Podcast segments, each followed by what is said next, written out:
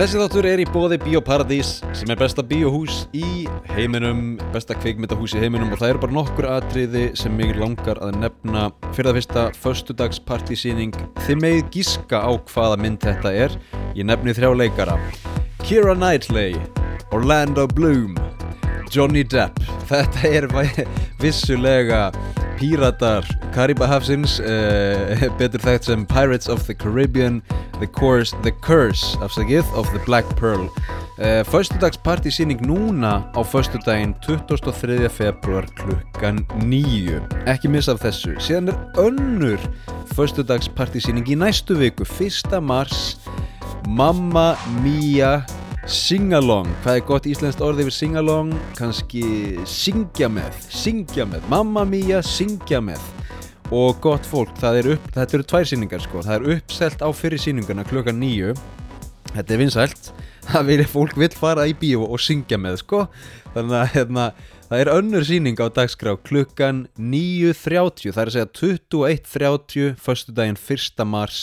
Mamma Mia syngja með. Það eru enn til lausir meðar Ok, og síðast en ekki síst eru það þýskir kvikmyndadagar sem verða í gangi frá og með föstudeginum 23. februar til, nú veit ég ekki hvaða vikudagar það er, en það er 3. mars 23. februar til 3. mars þetta eru tíu dagar uh, give or take sko og hérna fullt af góðum þýskum bíómyndum í bóði, ég nefni bara þrjár Astasi Comedy Hvað er Stasi? Jú, það er leynilögreglan í austur Þískalandi. Hvað er komedi? Jú, það er grínmynd. Sem sagt grínmynd um leynilögregluna í austur Þískalandi, í austur Berlín uh, fyrir mörgum áratöfum. Ok, hún er örgulega góð. Síðan er önnum mynd, My Name is Happy. Kurdnesk, ég veit ekki hvort það sé rétt sko. Uh, Kurdish á ennsku. Sem sagt kurdi, en segjum bara kurdnesk söngkona keppir í Turkey's Got Talent Tyrkland hefur hæfileika en verður fyrir skot árás frá tilvonandi eiginmanni hennar. Eh, er þetta dramamynd? Nei, þetta er heimildamynd. Sannir atbyrðir, gott fólk, heimildamynd. Og síðast en ekki síst The Forger, þýskur gýðingur á tímum nazista. Við erum að tala um 1942, byrjar að falsa vegabrjaf. Önnur bíómynd, þetta er svona drama, uh, sögumynd og hún er byggð á sann, sann, sannsögulegum, hún er byggð á sönnum atbyrðum gott fólk, þetta og fleira á bioparadís.is Gott fólk verið velkomin í þátt Númer 113, það er lífið í Sapporo sem heilsar hér og uh, á bakvið það stendur heimsendir sem er hlaðvarp uh, eina íslenska hlaðvarpið í Japan. Og ég tristi því að það sé þá besta íslenska hlaðarpi í Japan. Já, vel besta hlaðarpi á Íslandi líka. Við hérna það er allavega markmiðið. Ok, um, lífið í Sapporo viðtöl við Japani. Ég hef lengi lofað því að taka viðtöl við Japani og ég meina, við erum hlaðvarp staðsett í Japan. Við erum hérna svo ég sletti aftur, við erum the thick of it sko, ég er hérna í, ég er í nafla Japans, ég er hérna í ég er umkringdur Japanum daglega bæði á heimilinu sem og annar staðar og það er gott að blessa en, en ég hef aldrei geta tekið viðtöl almennilega viðtöl við Japani og það er einföld ástæða fyrir því uh, flestir Japanir tala ekki ensku eða það er að segja fæstir Japanir tala ensku og, og þú veist, ég þekki ekki marga Japani í kringum mig, vinir mínir kunningjar mínir sem tala það góða ensku að ég geti ég geti fengið þau í þáttin og við getum hérna, rætt um daginn og veginn á ensku, það er bara er erfitt sko. Og það væri rosalega erfitt að taka viðtöl við þau á japansku í hlaðvarpi og einhvern veginn, ég veit ekki, myndi ég þýða það eftir á? Um, það myndi ekki virka vel. Þannig að er hægt að taka þetta upp á, á vídeo og vera með texta og ég hef gert það áður í, myndbandsþáttum og gerir kannski meira af því En í þetta skiptið þá ákvaði ég að gera bara spurningalista og senda út á fólk. Fekk svör tilbaka, mikið af áhugaverðum svörum. Og við förum yfir þetta eftir. Þetta eru fjórir japanskir einstaklingar, þetta eru ungmenni skulum við segja, á aldrinum 25 til 40 ára og um, búa vísvegurum Japan og, og þau höfðu ímislegt merkilegt að segja, þannig að við, við skulum skoða þá eftir. En áður en við gerum það, þá förum við í nokkra punkta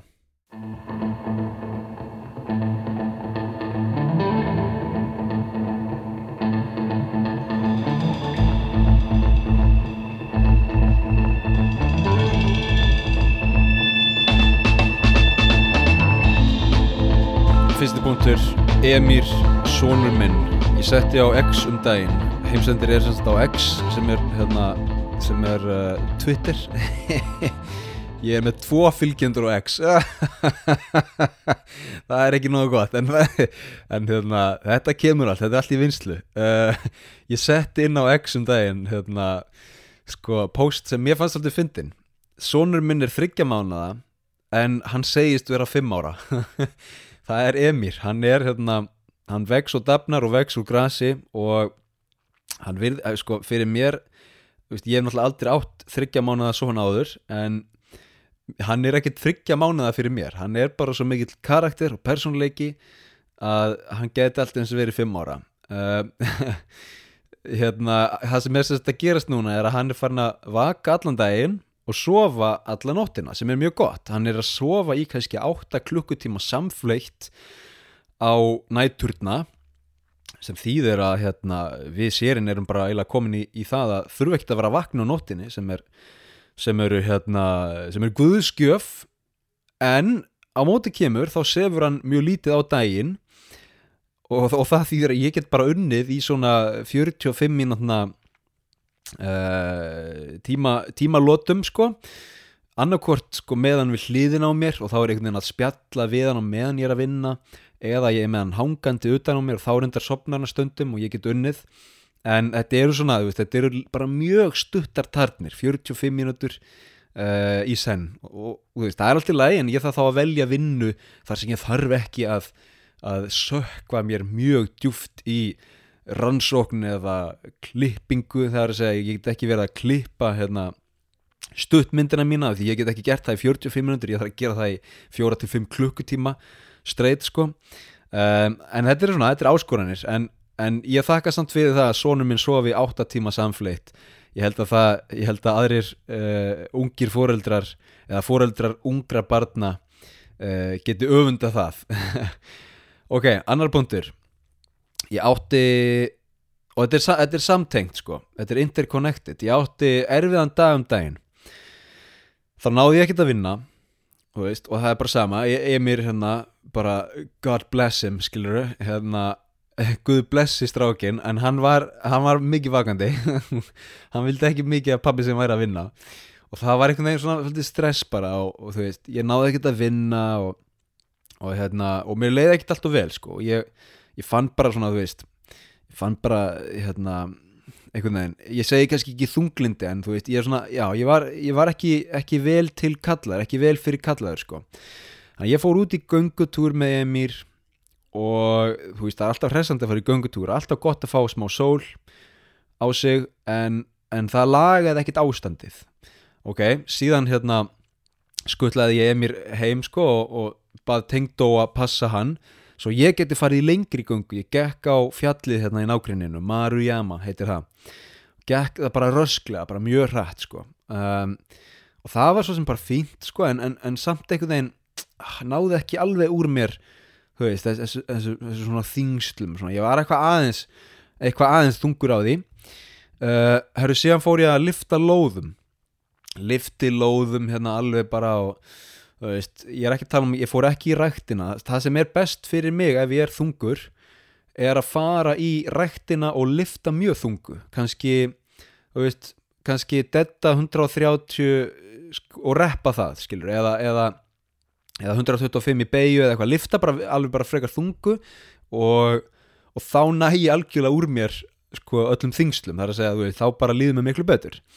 Nei, ég náði því ekki, ég, var, ég er bara með handlóð hérna heima, en ég var bara að lifta aðeins og veist, með handl og það er takmarka, takmarka sem að getur gert en ég var bara svona að krulla og eitthvað. Síðan fer ég í ískalda sturtu og og jú, gott og vel, mér, mér, mér leið mun betur. Þarna held ég að væri komin yfir hjallan bara ok, ég er búin að lifta ég er búin að ganga á fjall, ég er búin að fara í kalda sturtu bara ah, mér liður miklu betur. Ok síðan sest ég niður við skrippborðið ég er búin að setja upp sko svona vinnustöð, svona workstation ég er búin að tengja hérna flakkana með tölvun og ég er að fara að klippa stuttmyndana mína það veist. Og það er rosa, það veist, það, það, það krefst einbeitingar og, og hérna ok, og ég er bara tilbúin ég fæði mér eitt kristall opna hann og bara, ok nú byrja vinnan. Hörru, þá fer kötturinn minn í rugglið. Hann hérna ég veit ekki hvort það eigi ketti en kettir gera það stundum þeir fá okkur að flugu hausinn og byrja að hlaupa fram og tilbaka um íbúðina væla sko, og, og mjálma og stökkva upp á húsgögn og bara í ruggli, það er það sem við köllum að hann í algjört ruggl uh, hann er eins og þessi andsettur, andsetin veist, og hann, og hann fríkar út og hann stekkur upp á sófan þar sem Emir er sofandi. Og Emir honum bregður svo að því að hann fær allt í hún 6 kílóa kött í flassið í fangið Emir fríkar líka út fyrir að gráta. Ok, Þa, og, og, og, ég, veist, og við erum að tala um grátur sem, sem ég hef ekki heyrt áður sko, alveg bara, bara rosalegan barnagrátur. Ég vissi samt að hann væri ekkert meittur ef, ef hann hefði ekki grátið þá væri það verra skilur. það er svona, svona þumalpötta reglan ef hann grætur á fullum krafti ok, ég menna, kannski meittan sé eitthvað smá en hann er alveg hann er í lægi skilur en það sem mest var vandamálið var að tengdamamma mín hún fríkar líka út. Þannig að nú erum við með köttin hlaupað um, um alla veggi Emir að öskur gráta og tengdamamma minn stekkur til hlaupur, hvað er að gerast, hvað er að gerast? Og hérna ég með heyrnatól á mér, þú veist en heyri samtalið hvað er í gangi. Ég er búin að taka einn sopa af kristallinum og ég er ekki búin að, ekki búin að snerta tölvuna ég ætlaði að fara að vinna. Og allt sem ég hafi gert um daginn, ég fór í göngutúr, ég fór í fjallgöngu, ég lifti lóðum, ég fór í kaldasturtu, það fór allt út um gluggan. Ég hef búin að nota öll verkfærin í minni kistu til að láta mér líða betur og það fór allt út um gluggan. Og mér leiði ekki vel. um, en þetta var mikilvæg, mikilvæg leksja. Og þú veist, svona, þú veist, til að klára söguna, ég menna það náttúrulega bara tók ég upp Emir og og það tók alveg 20 mínútur að róa hann þú veist og svona og svo tók líka bara nokkru mínútur að róa tengdamömmu mína og, og svona en, en hérna þið veitir eh, og ég þurfti að leika við Tito köttin af því að hann, hann var með hérna, uppsapnað orku og, og var að kalla eftir því að einhver myndi leika við sig þannig að ég fór að leika við hann og svona og svona bara slökti á tölfunni og, og hætti við að, að fara að vinna eitthvað. En það sem ég lærði af þessu öllu saman er að þú getur verið með endalist mörg tól verkfæri í kistunni, þú veist. Ef mér líður illa þá fer ég í ræktina. Ef mér líður illa þá fer ég í sánuna. Ef mér líður illa þá fer ég í kaldapottin ef mér líður illa þá fer ég út í náttúru. Ég fer að veiða eða ég fer á ströndina. Ég fer að gera, gera hitt og þetta. Og það er bara mjög gott að blessa. Það er bara mjög nöðsynlegt að vera með þessi tól og þessi verkfæri. En stundum þá eru þau ekki nóg. Það er að segja stundum koma bara erfiði dagar og það er líka allt í lagi. Stundum getur þú sko kastað sko öllum þessum verkfærum sko að vandamálinu og vandamálið segir ok, þetta er alltaf gott að blessa þessi verkfæri eru bara mjög fín hjá þér og, og hérna glansandi fín en þetta er ekki nóg þú veist, vandamálið er ennþá til staðar og, og þér verður bara að líða illa í dag, það er bara þannig. Síðan fyrir maður bara að sofa og vaknar daginn eftir og er bara miklu ferskari og, og hérna nýr dagur og nýtt upphaf sko, en þetta er svona, þú veist, þú getur þú getur verið með þessi verkfæri og þú getur notað þau til að láta þau líða betur og, og þau eru betur en ekkert en stundum koma dagar á og til þar sem, þar sem þú verður bara hérna, býða af þér stormin svolítið sko og bara mæta því í, hérna, mæta því í mildi. Og bara segja ok, gott og vel nú önduðu bara saman. Ah, já já og svo morgun kemur nýr dagur. Herði, næsti punktur Ég fór á pósthúsið um daginn með Emir Svanminn og við sóttum eh, hérna Nei, ég segi ég fór á þinghúsið, ég fór, á, ég fór í ráðhúsið. Sappor á ráðhúsið og við sóttum það sem heitir My Number Card og, og takk ég eftir því að þarna er þetta er alveg, alveg típist fyrir Japan. Við erum að tala um að My Number er eins og kennitala Þetta getur ímyndað eitthvað ef að Íslandingar möttu kalla kennitölu My Number eða Social Security Number. Hörðu, hérna, já, blessaður, nafn Stefán Þóð Þorkísson ok, Social Security Number uh, 12. þú veit þetta er alveg dæmigert í Japan að það er slengt inn ennskum tökuorðum og bara ennsku bara svona, ég segi kannski alveg upp úr þurru en, en hérna, ennskan er rosa mikið nótuð í auðlisingar nöfn á fyrirtækjum, nöfn á vörum og eitthvað svona. Til að grípa aðtikli og þetta er alveg gott að blessa veist, er my number card á japansku eða með japanskum hreim my number kado um, það er alveg þjált skilur og fólk mani þetta alveg. Ef þetta ætti að vera á japansku þá væri þetta kannski uh, jikobango jikobango kado eða eitthvað svona skilur veist, það er kannski ekki alveg jafn gott sko. Þannig að my number card er bara fínt. En, en hérna uh, við, erum, við erum samt vakandi um töku orð og slettur sko. Um, kennitala er bara mjög gott orð. Við skulum halda okkur við það. Social security number er ekki þjált í íslenskri setningu. Ok, hvað er það? við sem sagt sótum svo kallað my number card. Uh, kennitölu vottorð eða, eða kennitölu skýrteini fyrir Emir, svon minn. Hann er núna orðin hann er núna orðin þegn Sapporo borgar og hann er komið með sína eigin japansku kennitölu. Nema hvað, á myndinni á myndinni sem hérna, við tókum af honum, þá lítur hann út eins og sko albanskur mafíi mafjósi segja, hann lítur út eins og eins og, ná, eins og náungi í alban, albansku mafjunni hann er einhvern veginn þungur og brún og alveg svona klumpslegur. Uh, við tókum alltaf mynda á hann liggjandi og hann var ekkert mjög sátti við það. Hann með undirhöggu, hann er með þungar augabrúnir og svona pff, bara byggður eins og hérna, eins og bólabítur uh, mjög fyndin mynd. Ég tók mynd af mér og Emir og skýrteininu og ég setti á Instagram og frá íslensku viðunum mínum kom ækvæmni sætur ahahaha, ég get ekki, þetta er svo fyndið eitthvað svona, en frá japansku viðunum mínum kom bara you should hide your address. Oh, you, you should not show your home address.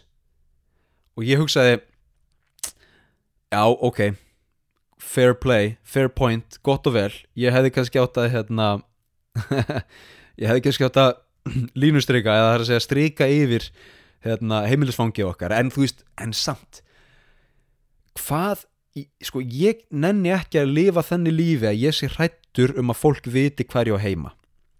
Ég nenni ekki að lifa þannig lífi að ég sé að fara að fela nafnið mitt eða netfangið mitt eða símanúmerið mitt uh, af því að af því að, fó, að það er allir á eftir mér einhvern veginn, ég nenni ekki að lifa þannig lífi að ég sé stöðut að horfa um auksl eða ég sé stöðugt að, að mér sé stöð, stöðugt að gruna að næsti maður sé á eftir mér. He's out to get you, þú veist, hann er bara að reyna að ná mér hérna. Ég nenni ekki að lifa þannig lífi og ég hugsaði svolítið um þetta sko um, ég meina ok, hérna bara, bara svona versta, versta, versta sem geti gerst væri bara að það kæmi bara einhver hérna einhver bara agalegur náungi og kæmi bara, skilur hingað heim til okkar og, og bara hérna þú veist, ég veit ekki, myndi ræna sinni mínum eða eitthvað. Nei, nei, hérna, þú veist, það, það er ekki fara að gerast um, en, en, en hérna en, þú veist, ok, ég spurði sérinn af hverju er, af hverju eru Japanir svona, þú veist af hverju eru Japanir svona hrættir við að sína heimilsfangi sitt, þú, þú veit að á Íslandi þá getur bara farin á já.is og, og fundi bara símanúmer og heimilisfang og bara hvaðina, sko. Já, þetta er af því að þetta er af því að það er mikið verið að skamma þú veist það er að segja að það er, svona, það er svindl svindlhópar og svindlringir í gangi í Japan þar sem, þar sem einhver sendir þér pakka og þú veist ekki hvaðan hann kemur en þú bara skrifar undir ok móttekið svo opnar þau pakkan og það er kannski bara einhverju dós eða eitthvað, eitthvað, eitthvað drastlinnið í og síðan kemur hérna, síðan kemur bara reikningur upp á 10.000 krónur og einhver segir, hörru þú fegst þennan pakka þú er að borga fyrir hann. Og ég hugsaði, ok ok, ég meina svolítið langsótt en hérna gæti alveg gerst. Um, þú veist ég veit ekki, ég myndi, ég myndi bara borga það eða, ég veist, ég, er, það, er, er það einhver heimsendir, er það hérna ef, ef það er það versta sem getur gerst þá myndi ég alveg bara hérna ég skilur, mæta því, ég mildi. Ég, með, ég skil ekki, þetta er nú ætla ég ekki aðalhæfa ég ætla ekki aðalhæfa og það eru eflaust mjög margir íslendingar mjög stressaðir yfir ókunnugum og, og, og þú veist það er svona paranoia skiluru í kringum það. Og svo eru eflaust mjög margir japanir sem eru alveg opnir fyrir því að tala við ókunnuga og hjálpa nágrunum í neyð. En mín reynsla af því að búa hérna í Sapporo er svolítið þannig að, uh, að þanga til að annar kemur í ljós þá er næsti maður svindlari og jafnvel morðingi. Það er svona það er svona uh, reglan sko. Uh, ég get tekið dæmi að, að við vorum að lappa henni hérna í hverfinu og ég kannski sagt þess að sögu áður. Á gauður á lítill möstu fyrir nörda RX8 uh, þetta er sem sagt tveggja hjóla, þetta er aftur hjóladrifin sportbíl, Mazda og hann, hann var að keira þennan, þennan bíl í snjó og hálku.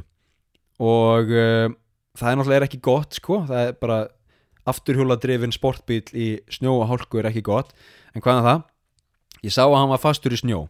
Og ég sagði, hörru, ég ætla að fara í hálpunum, ég ætla að fara í dónum og þá sagði tengdamammi ekki vera að gera það, ekki, ekki, ekki. Við skulum ekki blanda okkur í þetta. Þetta geti alltaf verið veist, eh, vandamál, skiluru, kannski hva, hvað ef að hann, hérna, hvað ef að bílinn klessir á og, og hann byrjar að kenna þér um eða, eða, eða hvað ef þetta er ykkur, þú veist, ykkur, ykkur vondur maður og eitthvað svona, heyrðu, róum okkur.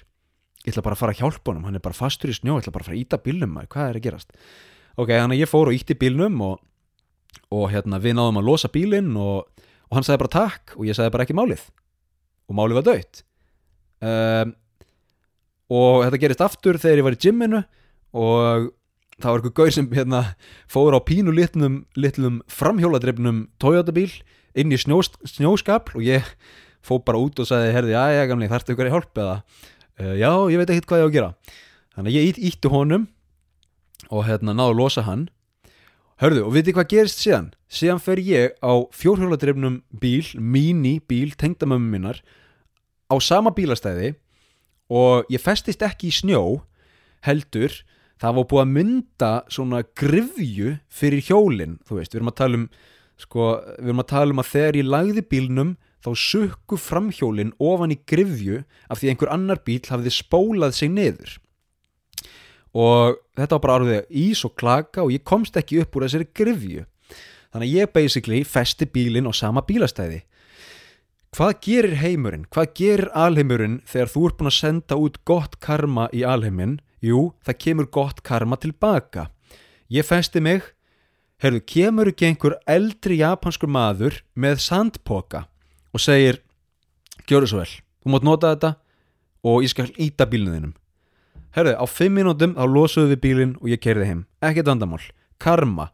Sko, you should hide your address. Ok, gott og vel, kannski en ég ætla ekki að lifa þenni lífi að ég sé hrættu við næsta mann ég sé hrættu við næstu konu, ég sé hrættu við næsta nákrana ég sé að hugsa, ég ætla ekki að hjálpa þessum að því að það gæti eitthvað slemt gerst, gerst. nei, nei, ég ætla bara að lifi þeirri trú að við séum öll í þessu saman þá getur annað kemur í ljós. Ok, síðasti punktur í byli síðan förum við í viðtöl við Japani. Þessi stuttur Naked and Afraid þetta er þáttur á bandarísku sjóanstöðinni Discovery og þetta er snildar þáttur. Ég, ég hef ekki komist sko við vorum með svona kapalrásir hérna heima. Uh, gerfinhattarásir einhvers konar um, og við, við náðum sem sagt veist, National Geographic, The History Channel og Discovery og Animal Planet og það var oft mjög gaman að horfa á þætti þaðan sko. Aðeins að kvíla Netflix í byli og horfa á reglulega eh, hérna, sjónvarpsdagsgrá reyndar rosalega mikið af auðlýsingum það er hundlega lett en hvað er það? Þarna rækst ég á þátt sem heitir Naked and Afraid sem er algjör snild. Þetta er, sagt, þetta er mjög einfalt. Þetta eru þrýr einstaklingar eh, alltaf mismunandi einstaklingar, einstaklingar í hverjum þætti og þeim er keirt út í Eidimörk í Súður Afríku og síðan afklæða þau sig þannig að þau eru allsperr og hérna og síðan bara keiri bílum burt. Þau eru bara skilin eftir allsperr og þetta er öllu jafna kvítt fólk sem er svolítið fyndið. Kvítt fólk sem er ekki, sem er ekki sko, þróunar fræðilega aðlagað eigðimörkin í Suður Afríku ef þetta væri sko, heimamaður veist, sagt, svartur maður sem er alin upp á þessu svæði þá kannski, þá kannski hérna, væri viðkomandi betur til þess fallin að lifa af eða, eða hérna, uh, pluma sér betur. En hvaðan um það, þetta er oftast einhverjir hvítir amerikanar sem eru sendir í þetta þennan þátt. Og hérna þú veist, þetta er náttúrulega þetta er ógeðslega að fyndi að því að það, það fyrsta sem þau þurfa að gera, þau fá samstætt kort og svo fær hver og einn, einn hlut, þið veit, þetta er, þetta er hérna, gamla góða spurningin hvaða einn hlut myndur þú taka með þér á eigðu eigu og hérna fólk segir eitthvað hérna, töfra að sprota eða ég myndi taka með mér hérna, þyrlu eða eitthvað skilju en oftast tegur fólk bara með sér pot og kannski nýf og eitthvað svona. Um, eldspýtustokk, þið eitthvað nýtsamlegt allavega, þau fá sem sagt kort og vita svona cirka hvert þau eiga að lappa og svo eiga þau að lifa þar af í held ég 40 daga og lappa síðan á annan stað þar sem þau eru sótt. Þannig að við erum að tala um að þau eru nakin í suður afrískri eðimörk í 40 daga. Og auðvitað er náttúrulega myndaðilega krú með þeim og það er læknir skilur þau svona á staðinum eða svona frekar nálægt þannig að þau eru kannski ekki alveg einn en hérna en þetta er, þetta er mjög fyndið. Það, það fyrsta sem gerist í þessum þáttum er náttúrulega að þau þurfa að lappa berfækt í gegnum eðimörkina kannski 5-10 kílometra og það fyrsta sem gerist er náttúrulega að þau bara skaðbrenna á illjónum af því að, af því að illjar fólks eru ekki vanar því uh, að lappa í brennandi heitum sandi eða á brennandi heitum steini. Um, og hérna, þú veist, svo fáðu þau sólsting og skaðbrenna náttúrulega þau eru ekki mennin að sólavörn og hérna, þú veist, og þau fá hérna matareiturinn og æla, þetta, er náttúrulega ekki, ekki mjög falleg sjón sko en, en mér finnst þetta bara svo fyndin pæling af þætti sko, naked and afraid sko. Um, ef ykkur vantar eitthvað til að svona hlæja þá er hérna naked and afraid svolítið skemmtilegt ok, hvað um það, hérna, þetta voru punktarnir, við skulum skella okkur í viðtöl við Japan.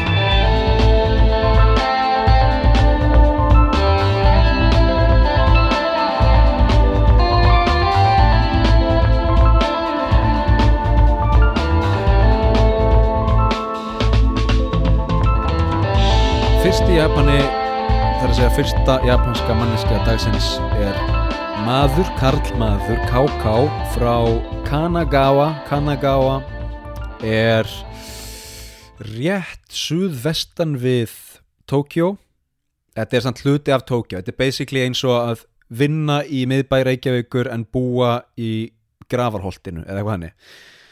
Um, og fyrsta spurning, þetta er semst, já, maður frá Kanagawa, maður sem býr og vinnur rétt hjá Tókjó fyrsta spurning hvað líkar þér við Japan? og hann segir Japan er örugt land önnur spurning hvað líkar þér ekki við Japan? og hann segir efnahagurinn er vanvirkur hagvöxtur er hægur Þriða spurning, langar þig að eignast börn? Af hverju? Af hverju ekki? Og hann svarar, já, mér langar að eignast börn til að geta skapað minningar með börnunum mínum, með fjölskyldunum minni. Fjórða spurning, langar þig að búa erlendis og ef svo er, hvar þá? Hann svarar, já, engin sérstakur staður en mér langar að upplifa öðruvísi menningu. Fymta spurning, hver er framtíð Japans? Og þetta svar var rosalega gott hjá honum. Um, ég ætla að hérna, lesa það fyrst á japansku, síðan ætla ég að lesa það á ennsku og loks ætla ég að lesa það á íslensku. Og þetta er bara, þetta er svo poetíst og og uh, þetta, þetta er svo góð summering hjá að hann svarar spurningunni hver er framtíð Japans? Svona Bukkadake agateiku kurusku naru hitoga hueru Ok, á ennsku As prices continue to rise more people will suffer. Á íslensku. Hækkandi verðlag veldur auknum sársöka Þannig klárar hann viðtalið og við færum okkur yfir í japanska mannesku nr. 2 Kona frá sama fylki eða sama hýraði Kanagawa sem vinnur og býr sem sagt í út í aðri Tókjó. Hvað líkar þér við Japan? Og hún segir Hér eru fjórar ástíðir. Hvað líkar þér ekki við Japan? Og hún segir Launin eru léleg. Langar þig að eignast börn? Af hverju? Af hverju ekki? Já, börn eru sæt, börn eru kavæ. Langar þig að prófa að búa erlendis? Hvar þá? Nei, mér langar ekki að prófa að búa erlendis. Síðasta spurning, hver er framtíð Japans? Ekkert svar.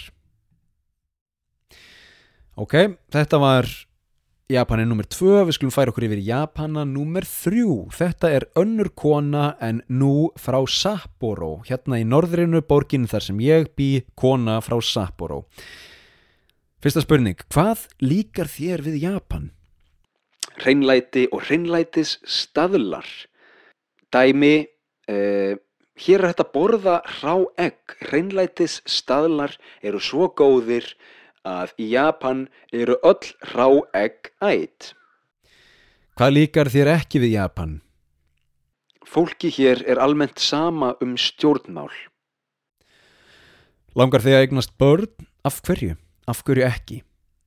Já, mér langar að eignast börn. Ég held að sé mikilvægt að næsta kynnslóð geti upplifað fjölbreytni, geti átt fjölbreyttar upplifanir. Langar þig að búa erlendis? Ef svo er, hver þá?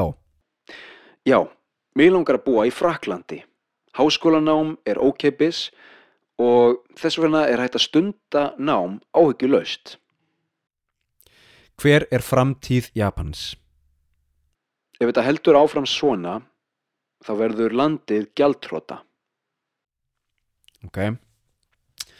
Færum okkur yfir í síðasta Japana dagsins sem kom í viðtal til mín. Þetta er uh, manneskja nummer fjögur og ég segi manneskja 1, 2, 3 og 4 að því ég ætla ekki að nota nöfnin.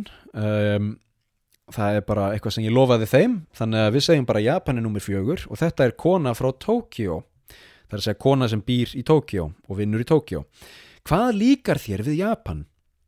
Og hún segir Japan er örugt land, fullt af baðhúsum og hveraböðum, maturinn er góður allstaðar í Japan, síðan eru smáfurverslanir og maturubúðir opnar lengi sem gerir lífið þægilegt. En hvað líkar þér ekki við Japan? Hér eru margir mjög lokaðir. Ég sletti á ensku unsociable, margir ófélagslindir. Langar þið eignast börn? Af hverju, af hverju ekki? Hvorki nýja.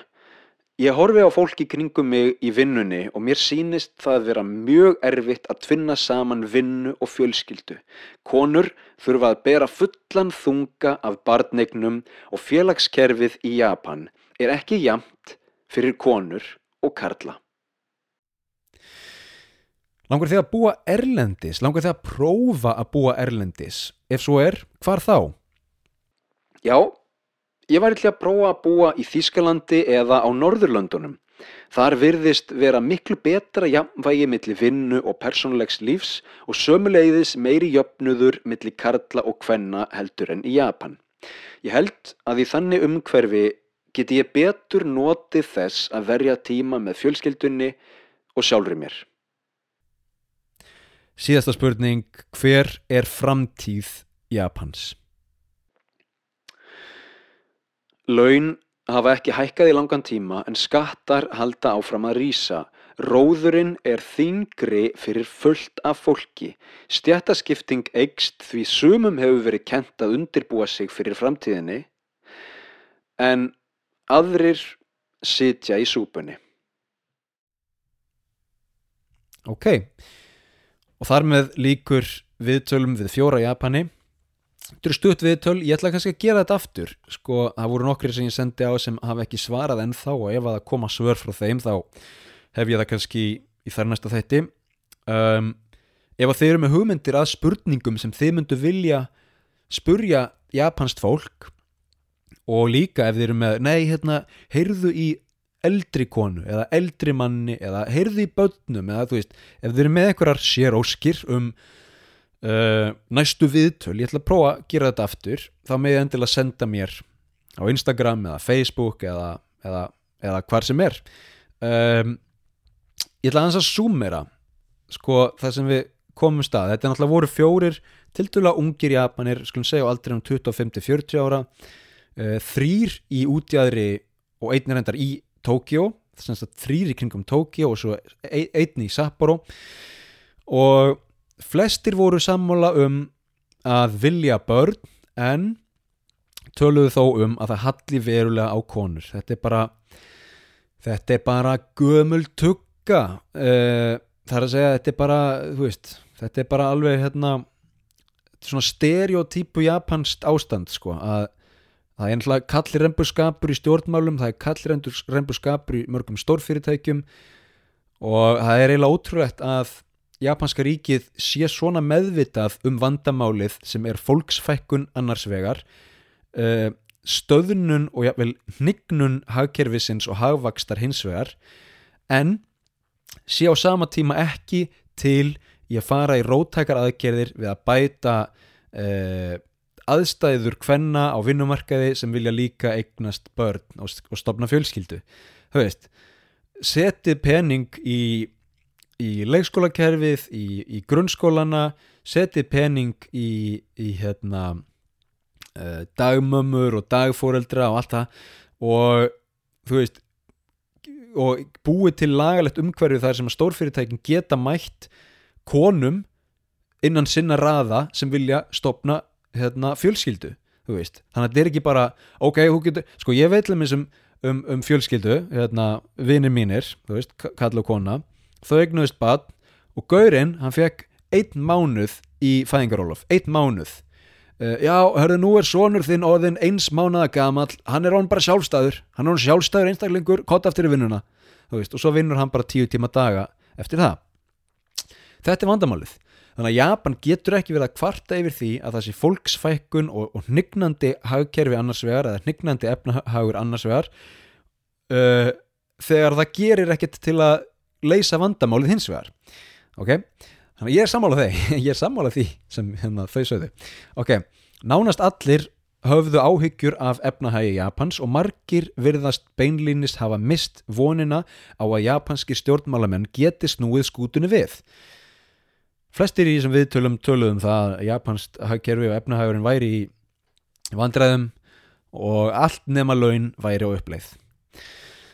Ok, og síðan segja þau, er, ég er ennþá að súmera uh, það sem gerir Japan að góðu landi til að búa í gerir það líklega að besta landi heimsins að heimsækja, þetta er þetta mín tólkun þau segja, þú veist, það er hérna, góður matur, það er gott hérna, góður hreinlætir staðlar það eru bathús út um allt þú veist, skiluru og, og þetta er náttúrulega mjög gott fyrir fólk sem býr í Japan en ég myndi segja að þetta sé ennþá betra fyrir fólk sem er að heimsækja Japan. Jenið er veikt veist, verðlag er mjög lágt fyrir Íslendinga, fyrir bandarækjumenn fyrir Evrópabúa meiri sé að kynverja á kórubúa þú veist, það er bara, fólk er að flikkjast til Japan sem ferðamenn af því að þið getur fengið góðan mat á ódýruverði, þið getur ferðast um landið hratt og öruglega þið getur farið í í bathús út í náttúrunni þeir geta upplifað rosalega fallega menningu án þess að þurfa að ganga í gegnum þá eldskýrn sem ég hef gengið í gegnum sem er að þurfa að reyna aðlagast japansku samfélagi sem er eitt eldsta og rótgrónasta samfélagi heimi. Þannig ég segi Japan er gott land að bú í en besta land í heimi að heimsækja. Um, Ok, þetta voru viðtöl við Japan við skulum fara í nokkra fleiri punta og síðan endum við á heimsfréttum vikunar.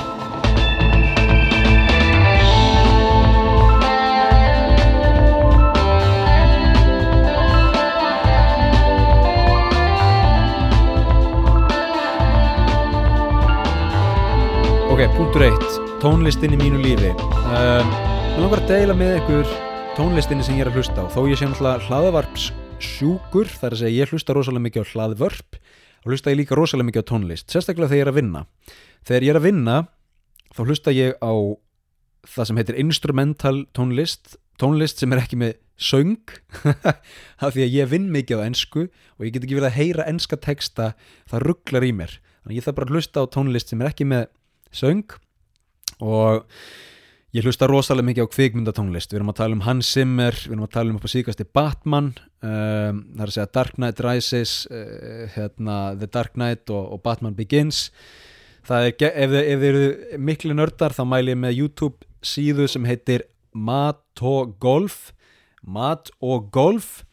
Um, ekki íslenska komboið matur og golf heldur bara mat og golf. Þetta er náungi sem klippir nýjar útgáfur af alls konar kveikmyndatónlist þannig að hann er til dæmis með þryggja og hálfs klukkutíma útgáfu af öllu Kristoffer Nolan Hans Zimmer Batman stöffinu sem er veistla, þú veist. Og maður getur virkilega náð góðum fókusi í því. Uh, ég hlusta líka svolítið mikið á Lord of the Rings sem er uppáhalds bjómyndin mín allra tíma. Ég hlusta svolítið mikið á Dune.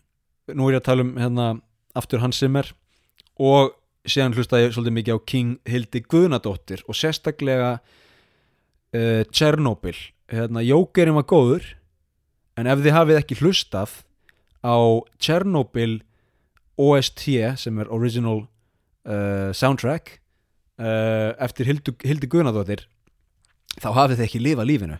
Ég reyndar, ég reyndar kannski nefnið þann fyrirvara að, að Chernobyl er líklega mest dark seria sem ég séð og, og tónlistin eh, spilar þar stóra rullu þannig að það er hérna ekki búast við því að, að, að Chernobyl uh, hljóðheimurinn sé upplýfgandi en hann er djúpur og hann er dimmur og myrkur og ef ykkur vantar djúpa einbettingu ef þið eruð að skrifa allir með texta upp úr yðrum sko, líkamanns, bara upp úr maganum upp úr göttinu um, þá mæl ég með Hildi Guðnadóttir ok? Í ræktinni þá er ég mikið að hlusta á sama stöf. Úlfur Úlfur, Gísli Pálmi. Annars vegar og síðan fer ég mikið yfir í sko, það að channel einhvers konar viking hins vegar. Þá hlusta ég á The Northman Lord of the Rings uh, ég hlusta á Greyjoy hérna Greyjoy úr Game of Thrones enn oftur, þetta er fyrir nördana sko, star, sko ok. Sem Íslendingar hvaða hvaða Game of Thrones fjölskyldu tilheyrið þið? Af því að við erum ekki Lannisters. Það er nokkuð ljóst sko. Og við erum ekki hérna við erum ekki sko Tully eða neitt þannig. Við erum, við erum Stark eða Greyjoy. Það er bara þannig.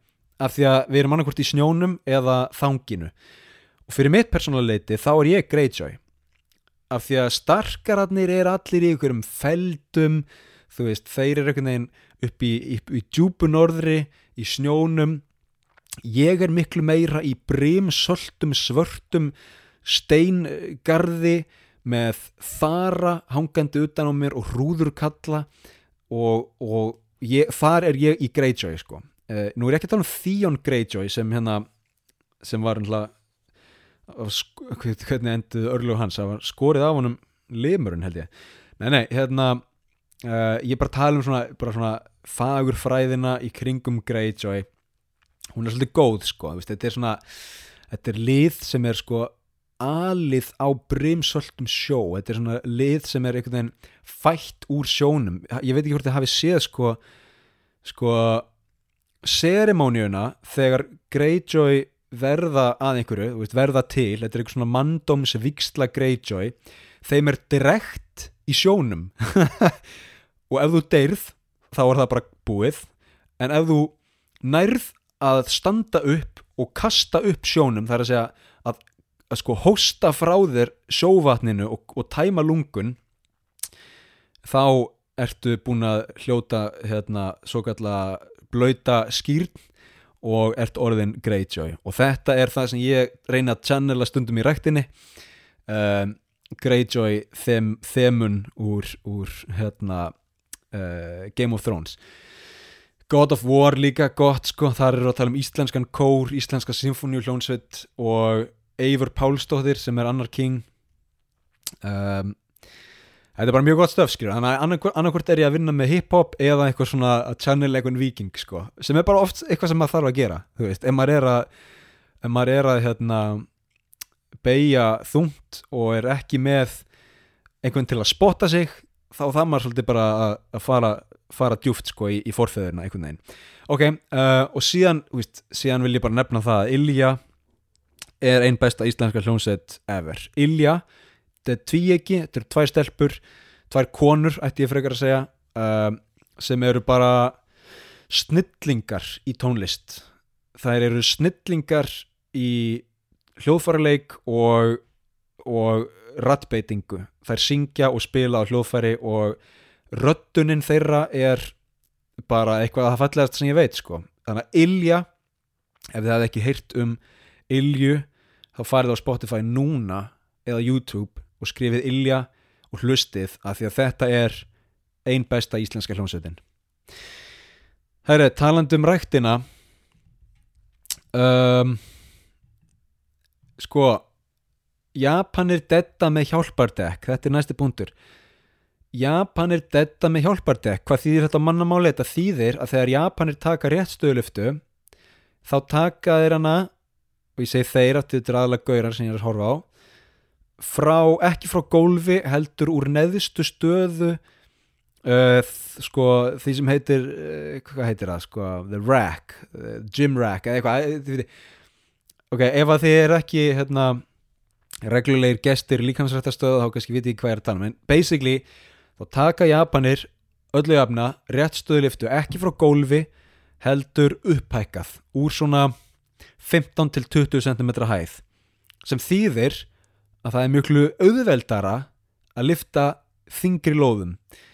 Og þegar ég sé þetta og ég veit að þetta er góð æfing sko, þetta er æfing sem er góð með vennulegu deadlifti og þetta er líka æfing sem er góð fyrir fólk sem er að glíma með meðsli og getur ekki tekið vennulegt deadlift eða vennulega réttstöðlifti, ég veit það alveg ég, og ég er ekkert endilega að setja út á þetta en ég mér, bara, mér finnst eins og þetta sé uh, mér finnst eins og þetta séu gaurar sem eru að reyna að lifta þingra en þeir geta bara til að geta sagtst lifta þingra en þeir geta Hörru, ég á 180 dead ok, er það frá gólfi?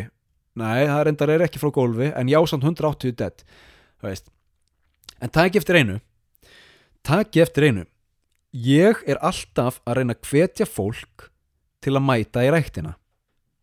Síðan þegar ég er í ræktinni þá fyrir ég að dæma fólk sem er mætt í ræktina fyrir að gera ekki æfingar mér að skapi. Pælið í þessu. Og þarna þarf ég að fara að tjekka sjálf á mig ég kallaði þetta dómaran þegar dómarin mætir þegar ég byrja að dæma fólk sko fyrir að lifa ekki sínu lífi eftir mínu höfði þá þarf ég að hérna, snúa mér í ring fara í kalda styrtu og, og anda, taka nokkra djúpa andadrætti sko, því að þá veit ég að ég er komin í rugglið hei þessir gaurar eru þú allavega að detta. Og þú veist, þeir eru ekki að setja út á þína tækni hvað er þú að setja út á þeirra tækni? Þannig að þetta er svona að fyndi þetta er bara góð æfing í að vera meðvitaður um ein hugs, hugsanir og taka ábyrð á þeim. Ég sé þetta þetta fyrir taugarnar á mér og svo þarf ég að stíga eitt skrif tilbaka og hörru, ok. Þessir gaurar eru þó allavega mættir í ræktina þeir eru allavega að reyna að byggja upp einin líkama þeir eru að gera það sem þú ert að þú vilt meina allir eigi að gera. Þeir eru mættir í ræktina og þeir eru bara að gera það á sinn hátt. Back the fuck off afsakið orðbræðið hefna, þú veist láttu þá vera, hvað er að þér? Einbytt vera sjálfur hætt að, hætt að vera dæma hefna. þannig að þetta er svona takk ég eftir í eigin lífi gott fólk ef að dómarinn mætir. Hvað er þessi að gera, helvítis hvað, herðu, drullla, veist, ef þið farað að dæma fólk í kringum ykkur þá þurfum þið kannski að taka eitt skrið tilbaka. Ok, byttu, byttu, byttu, byttu segir þetta meira um mig heldur en um þau? Mögulega. Ok, uh, gott fólk við erum alveg að komast í genum með það eru tveir punktar eftir. Svo förum við heimsfréttir vikunar og svo við búin. Og þetta þurfum við að gera áður en ég missi röttina ok, fyrsta lægi uh, punkturinn tölum íslensku. Sko ég tala íslensku ennsku og japansku og svo tala ég spænsku líka en ég tala hinn þrjú tungumálin daglega. Og ég er fann að blanda þeim rosa mikið saman. Ég, við sérinn tölum einhverja blöndu af íslensku, ensku og japansku ég hef smá ágjur að því að að þegar sonur minn byrjar að tala þá mun hann kannski bara tala einhverja algjörða blöndu. Við erum að reyna að kenna honum íslensku og japansku enskan má býða hann lærir hana bara einhvern tímann sjálfur. Um, og ég reyna að tala sem minnst ensku við sérinn en hana langar að tala ensku við mig af því að hún vil ekki gleyma sinni ensku. Ég er náttúrulega að nota mína ensku bara bara annar staðar, þú veist, í vinnunni og svona. Um, þannig að þetta er svona, þetta er svona, það sem ég er að reyna að segja er bara sko, ef að við ætlum að fara að blanda tungumálum saman þá þurfum við að vera meðvitu um það að þá mun bara fæðast nýtt tungumál. Þá mun bara fæðast einhvers konar íslenska það er að segja blanda af íslensku og ensku sem hljómar ekkert alltaf vel fyrir mig persónlega, þú veist. Ef ég væri að tala hérna við ykkur og ég væri bara concentrated, þú veist og, og þú veist, síðan fer ég bara í the gym og þú veist, það er náttúrulega ósala gaman að, de að taka deadlift og hérna og ég meina eftir ræktina þá náttúrulega, þú veist, verð ég bara að drink a power shake, skiluru og, og hérna, ég kom heim og, hörðu er ekki bara stoppar af the, the police þú veist, heyriði hvað þetta er skrítið? Þegar maður fyrir að sletta alveg í öðru hverju orði á ennsku þetta verður bara eitthvað nýtt. Það er, ég, ég tekja fram það er að gera þetta sem sko svona listræna ákförðun, þú sem leikar eða karakter eða eitthvað, þú getur, getur gert þetta sem listræna ákförðun þú veist, og það myndast margir svona frasar, skemmtilegir frasar þegar maður byrjar að sletta. En við þurfum bara að vera meðvituð um það. Veist, mín regla er alltaf ef ég er búin að sletta þá þýði ég um leið. Veist, þá bara þýði ég líka. Hérna uh, ég var bara right off the bat hérna, það er að segja, ég sérst bara frá upphafi þá var ég, drr, skiljur þannig ég þýði um leið. Ástæðan fyrir því að ég er að ástæðan fyrir því að ég er að segja ykkur þetta er að því að ég hef verið að heyra på síkasti tungumál sem heitir Tagalog. Tagalog er, er sko Filipíno, það er filipseiska ég veit ekki hvort þessu fleiri tungumál í Filipsegum heldur en þá bara enska en, en, en Tagalog er held ég svona algengasta Filipseiska tungan og það sem er oft bara kallað Filipino líka. Og Filipino eða Tagalog í sínu reyna formi er bara fallegt tungumál. En það er algjörlega orðið sko djúb mettað af ennskum tökuorðum svo mikið að maður veit stundum ekki hvort þau er að tala filipseisku eða ennsku ég ætla að spila fyrir ykkur dæmi. Þetta er viðtöl við ungt fólk í Manila og, og nei, þetta er ekki fólk í útsveitum þetta er ekki bændur í útsveitum filipseim sem tala líklega bara mjög reyn, reynt tagalog, nei. Þetta eru, veist, all, þetta eru hérna krakkar sem eru með Netflix og YouTube og þú veist, eru jáfnvel að læra á ennsku og svona en ég ætla bara að leiða ykkur að heyra hvað þetta er algjörlega gegnsýrt af ennskum tökvorðum, gjör það svo vel Pangarap ko minsan maging game developer. Pangarap kong maging hindi ko HR manager Bakit HR manager? kasi uh, yun yung inline inline sa field ko. mag-travel around the world. Pangarap ko. Ah, actually, I want to become a lawyer. Maging masaya. Maging successful. Yun lang. maging astronaut. Bakit astronaut? Kasi gusto ko makaalis sa mundong ito. Anong pangarap mo sa buhay? Um, pangarap ko maging fashion designer o di kaya maging fashion stylist. Pangarap ko sa buhay maging successful sa chosen track ko. ano, maging magaling na basketballista. Bakit po ah, basketball? Ano po bang goal nyo? PBA, NBA? NBA. NBA Ah, Anong team po yung favorite nyong team? ah, Steph Curry yung Golden State. Golden State, okay. Ah, anong pangarap mo sa buhay? Ah, pangarap ko sa buhay, um, maging successful.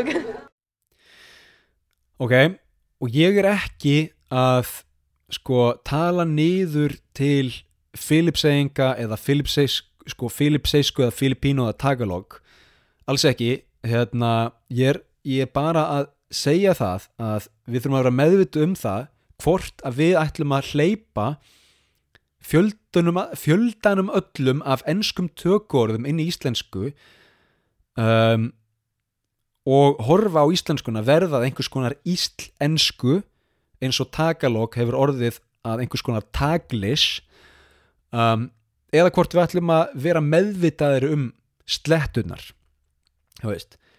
og önnur leið til að vera meðvitað um slettur er að segja svo ég sletti eða nú ætla ég að sletta á ensku eins og þeir segja í, í bandaríkjunum eða á Breitlandi, þú veist. Um, að vera bara meðvituð um slettunar, það er svo sem allt í lagi að nota slettur eða tökkorð en vera bara meðvituð um það og reyna þá að þýða það, það er skemmtilega æfing það er skemmtilegt að reyna að þýða hluti.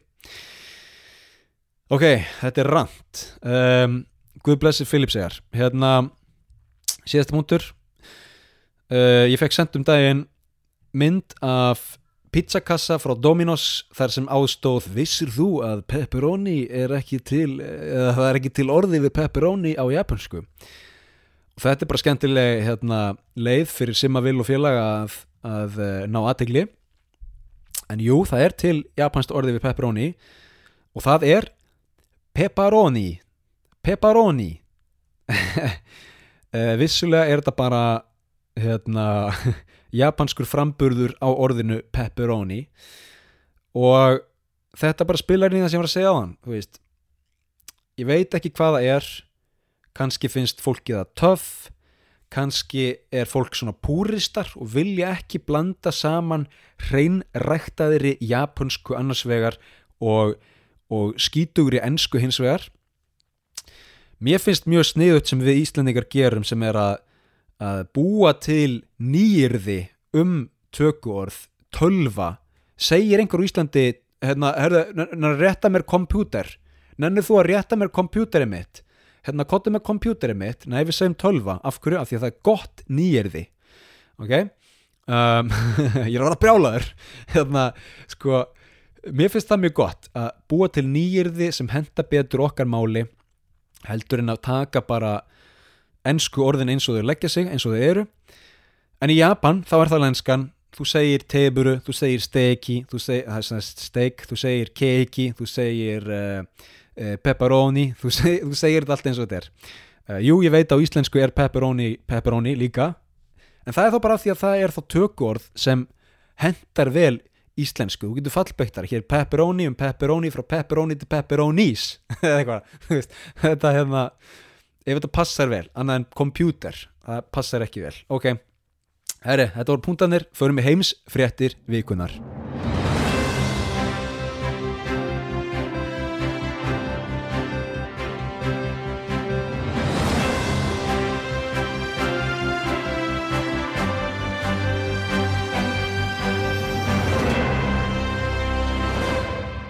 Við ætlum að klára þetta á tíu mínúndum af því að ég er að missa röðina og uh, það er fyrir að vera komin tími á annan kaffibólla uh, Ok, fyrsta frétt, ég veit ekki hvað hann kom. Mér fannst þetta bara drullu fundið Biden, bandarækjafórseti hérna sagði að fórseti Egiptalands væri fórseti Mexiko hann var sérst að segja eitthvað svona eitthvað, eitthvað we need to uh, we need to make sure that the aid packets to Gaza uh, is approved by the president of Mexico og hann náttúrulega myndi hérna, president of Egypt. Hann rugglaðist aðeins kallinn uh, en hérna, það er ekki bara hann heldur líka Trump.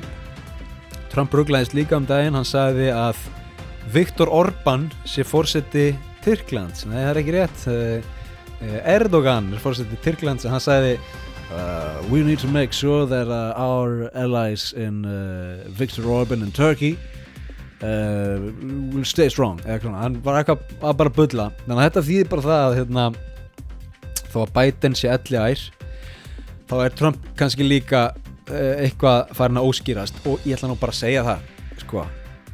Er virkilega ekki til í 400 miljón manna þjóð eru ekki til betri kandidatar en Joe Biden og Donald Trump.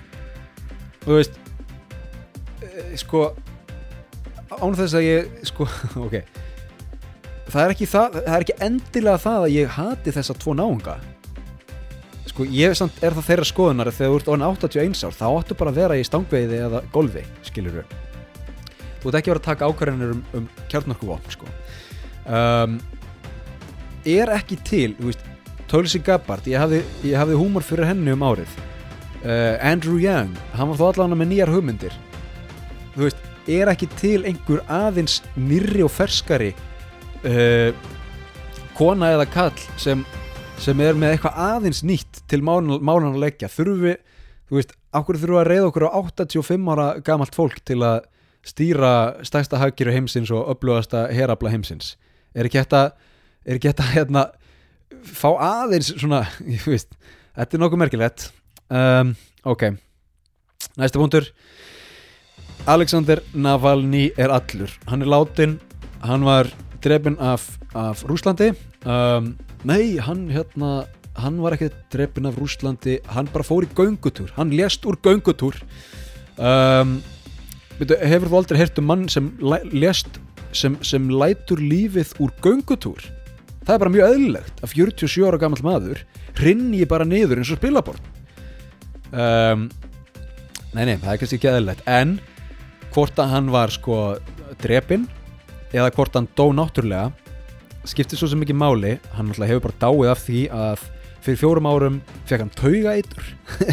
Hann fekk taugaeitur fyrir fjórum árum og hann er búin að vera í einangrun og fangabúðum í nokkur ár þannig að hann hefur bara dáið úr því skilur hann hefur bara dáið úr því að fá slæma ummunun og slæma meðhöndlun þú veist. Uh, prófa þú að loka þig inn í skúr í fjögur ár sá hvort þú degir um, en þetta er svona þetta er hérna þetta er mjög áhugavert sko. Russia Today er miðill sem ég skoða stundum til að sjá bara beint málgag Putins og Russia Today kallar hann sko right wing ultra nationalist það er að segja hægri sinnaður ultra þjóðirni sinni öfga þjóðirni sinni sem á alveg vera veist. hann er ekki hérna einhver svona LGBT uh, liberal frá, frá Vesturlandum nei, nei, nei, nei, hann er sko grjótharður rúsneskur þjóðirni sinni en það er þá kannski frekar að hann vil að, að hérna, rúsneska þjóðin njóti góðs af ákvörðunum frekar en að Pútins stjórn njóti góðs af ákvörðunum og ólíkarkarnir í kringum hann Hann fekk sem sagt 19 ára fangelsisdóm fyrir glæpin öfgar eh, eða extremism. Það er líklega til betra orði yfir þá íslensk, íslensku en mér er svolítið fyndið að kalla það öfga. Ég vil segja mér þess að til hérna, íslenskur umræðuhópur eða baróttuhópur sem heitir öfgar. En hvað er það? Hann sem sagt fekk 19 ára fangelsisdóm fyrir öfgar, fyrir extremism. Ok, ég meina veist, sem einhver svona paranoid leiðtói þá skilja alveg að þú viljir fangelsa andstæðinga þína fyrir til dæmis að stopna til mótmæla eða stopna til byltingar eða eitthvað en 19 ár af hverju drefur hann þá ekki bara þetta er það sem ég finnst svo mikið vandamál með Putin sko sko þetta er þetta hálfkák ef þú ætlar að vera einræðisherra í hernaða ríki segðu það bara. Verðu bara heiðalögur segðu bara við erum að ráðast á Úkrænu af því okkur langar að búa til landbrú yfir til Krímskaga. Við viljum betri aðgang að Svartahafi. Við viljum betri aðgang að Úkrænu og við viljum hafa möguleika á að fylgjast betur með hernaður uppbyggingu og efnahags uppbyggingu og innviða uppbyggingu í Úkrænu og við ætlum bara ekki að fela það. Við erum bara að ráðast inn í Úkrænu til að verja rúsnest land og til að eh, búa til betri landbuffer fyrir Rústland í stæðin fyrir að segja, nei við erum ekkert að gera það, við erum bara í svona special military operation af því að það er svo mikli, það er svo margir nazistar, við erum bara að gera veist, verður bara heiðalur, segðu bara hlutin eins og þeir eru. Veist, þá myndi ég hafa allavega snerta af einhvers konar virðingu fyrir Putin ef hann væri bara heiðalegur ef hann væri bara að segja bara, hei, við erum bara ekkert vinir NATO. Veist, og við erum bara hérna, að, að ráðast inn í Úkræna því að við lítum svo á að Úkræna eigi hérna, uh, möguleikan á að vopn væðast gegn okkur og við erum þá bara að reyna að búa til veist, segja það bara í stæðin fyrir að vera eitthvað hérna, nei, þetta er bara eitthvað special, special operation þú veist. Bara kæfta þið um, og hérna síðan er annað svona önnur gaggrín á Putin sko, sem ég finnst, þú veist, þetta er bara svo auðmingjalegt, þetta er svo auðmingjalegt að vera eitthvað hérna þú veist, að, bara vera búin að sætta sig við það að vera lúserinn í keppninni þú veist, bara eitthvað við töpuðum kaldastriðinu og við erum bara svo hrætt við NATO. Við erum bara svo hrætt við að NATO hérna auki fylgisett og, og blási út í austur. Við erum bara svo hrætt við sko, Rúsland á 6.000 kjarnorkuvopn. Það er bara auðmingja að vera alltaf að tala um Na- NATO expansion. Fyrir utan það að sko eins og Donald Trump hefur sagt þá var NATO fyrir Úkrænustríðið bara ekki neitt neitt. Þú veist, allt annað en bandaríkin það voru bara þjóðir sem voru bara að brjóta niður skriðdregana sína í brotajátn en Úkrænustríði kemur og hvað gerist? Það snýst við. Þannig að ef að Putin fór í Úkrænustríðið til að reyna að snúa gegn uh, NATO þróuninni þá náði hann algjörlega öfugu markmiði það er að segja hið, öfuga gerðist það fór í algjörlega öfugátt hann var að reyna verja landamæri sín fyrir um, NATO og hvað gerist? Finnland hérna, gengur í NATO, Svíþjóð gengur í NATO það þýðir að Eistrasaltið er núna orðið sko, stöðuvatn fyrir NATO. Sandi Pétursborgar flotin um, kemst ekki út í Allandshafið nema hann sigli framhjá kafbátum, uh, radartækjum uh, eldflögum ég veit ekki hvað og hvað, allt tengt NATO af því að öll löndin í kringum Eistrasaltið eru núna í NATO Finnland sem er með þúsund kílometra landamæri við Rústland var ekki í NATO getur hvað, það er komið í NATO. Uh, Úkraina sem var ekki með það sterkan her getur hvað, er núna með mjög sterkan her. Úkraina sem var ekki með vestræn vopn, getur hvað, er núna með vestræn vopn. Þískaland sem var ekki með öflugan her, getur hvað, er núna að byggja upp öflugan her Evrópa sem var að sko ekki að hervæðast heldur að andhervæðast það var að brjóta niður heraplana sína. Getur hvað, nú er Evrópa að hervæðast. Allt sem Putin óttaðist að gæti gerst let hann gerast með því að ráðast í Úkrænu mér hefði fundist miklu flottara ef að Putin væri virkilega hrættu við NATO ef hann myndi þá bara byggja upp öfluga landamærvörslu að vestrinu byggja upp öflugan efnahag byggja upp öflugan her og segja bara hei, come and get it. Ef að þið viljið Rústland, come and get it. Þú veist í staðin fyrir að vera eitthvað, nei, við ætlum bara að fara í special military operation fyrst af því að, að því við erum svo hrætt um það sem gæti gerst. Þetta er eins og í minority report, þú veist þú refsar fyrir glæpin áður en hann gerist. Uh, dæmi sem er kannski ekki gott dæmi en lítið á Japan eftir stríð. Hvað gerðist? Japan fór í stríð í Bandaríkin. Japan tapaði stríðinu í Bandaríkin. Bandaríkin hernumdu Japan. Og Japan verður að öðru stærsta hagkerfi heims einu skemmtilegasta landi heims þar sem er ein mesta velmegun í heimi menningin blómstrar, sagan blómstrar Japanum líður vel. Byrju ha? Ert að segja mér að bandaríkin geti unniði í stríði og hernumiði og, og útkoman sé, geti verið góð? Ég er nú ekki að segja hún sé alltaf góð lítum á Afganistan og fleira en ef við horfum til Japans þá var útkoman góð eftir það. Þannig að ég veit ekki, hérna Íran og, og Rúsland og fleiri vilja alltaf mála bandaríkin upp sem sem sko versta heimsveldi í heimi en gleyma því að fylgjast með sjálfum sér. Uh, ástæðan fyrir því að ég er svona veð upp veðraður yfir þessu öll saman er að því ég elska Rússland, ég elska rússneska menningu, ég elska rússneska sögu, ég elska sko rússneskan mat og bókmentir og Tolstói og Dostojevski og Tchaikovski og, og Stanislavski og Chekhov og alla þessa gaura og hérna og ég hefði, sko, það hefði búið að vera svo lang, langur draumir á mér að taka Transsíberíu lestina milli hérna Moskvu og Vladivostok.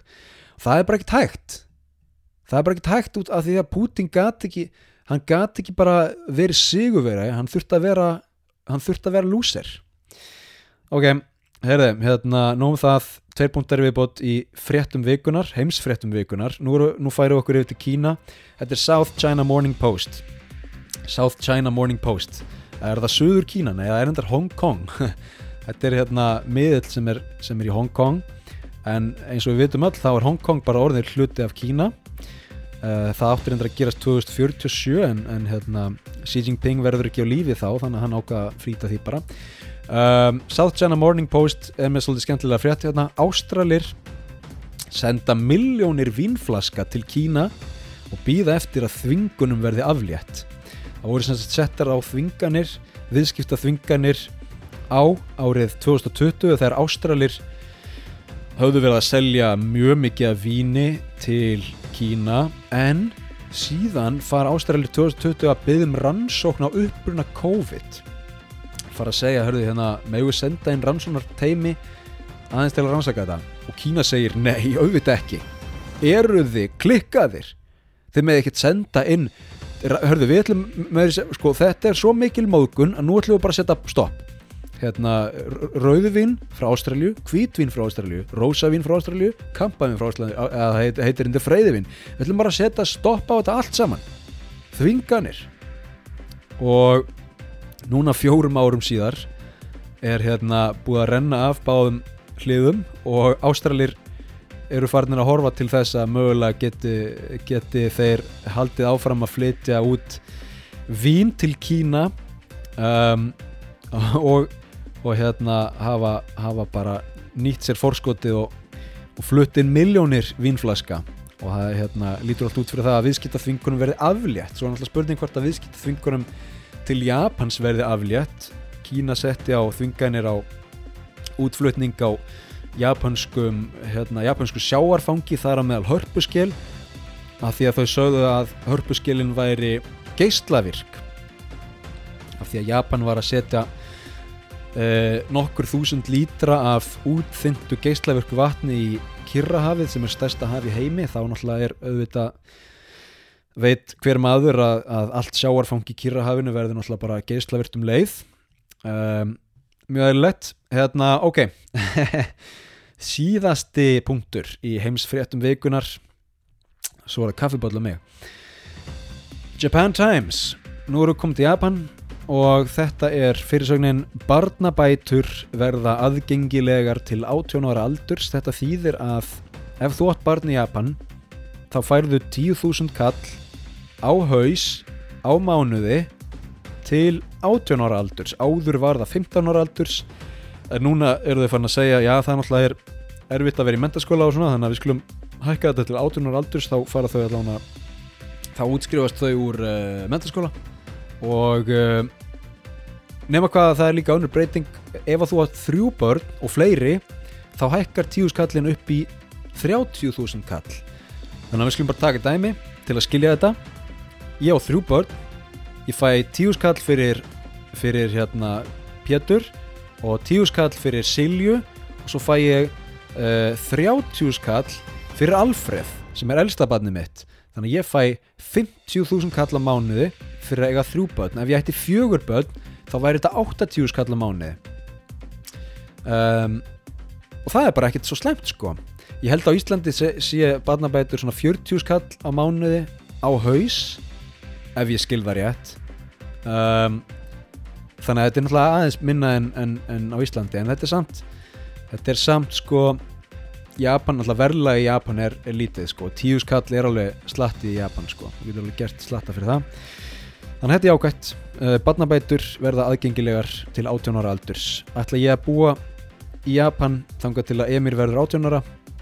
Nei, nei, nei. Hérna, að, uh, en hver veit, kannski, kannski, hérna, kannski ekki til mann, uh, sjáum til, allavega, hérna, þetta voru heimsfréttir vikunar og, og þetta líkur þessum þætti, um, ef þið viljið heyra fleiri viðtölu í Japani á mig, senda mér spurningar, hvað hva, hérna, svör og spurningar viljið þið heyra um, um og bara hvers konar, ef þið viljið heyra einhver umræðu efni, rannsakaðu þetta, taktu fyrir þennan sögulega atburð þá megið senda mér það. Gott fólk, takk fyrir að hlusta. Ég ætla bara rétta í lókin að minna á Patreon, þessi þáttur er opinn í bóði Bíóparadís en, en, en annar hver þáttur er inn á Patreon og um, ef, ef þið fáið ekki nóg af heimsendi þá skulið þið vera velkomin á Patreon. Takk fyrir að hlusta, takk fyrir stuðningin og við heyrumst í næsta þætti.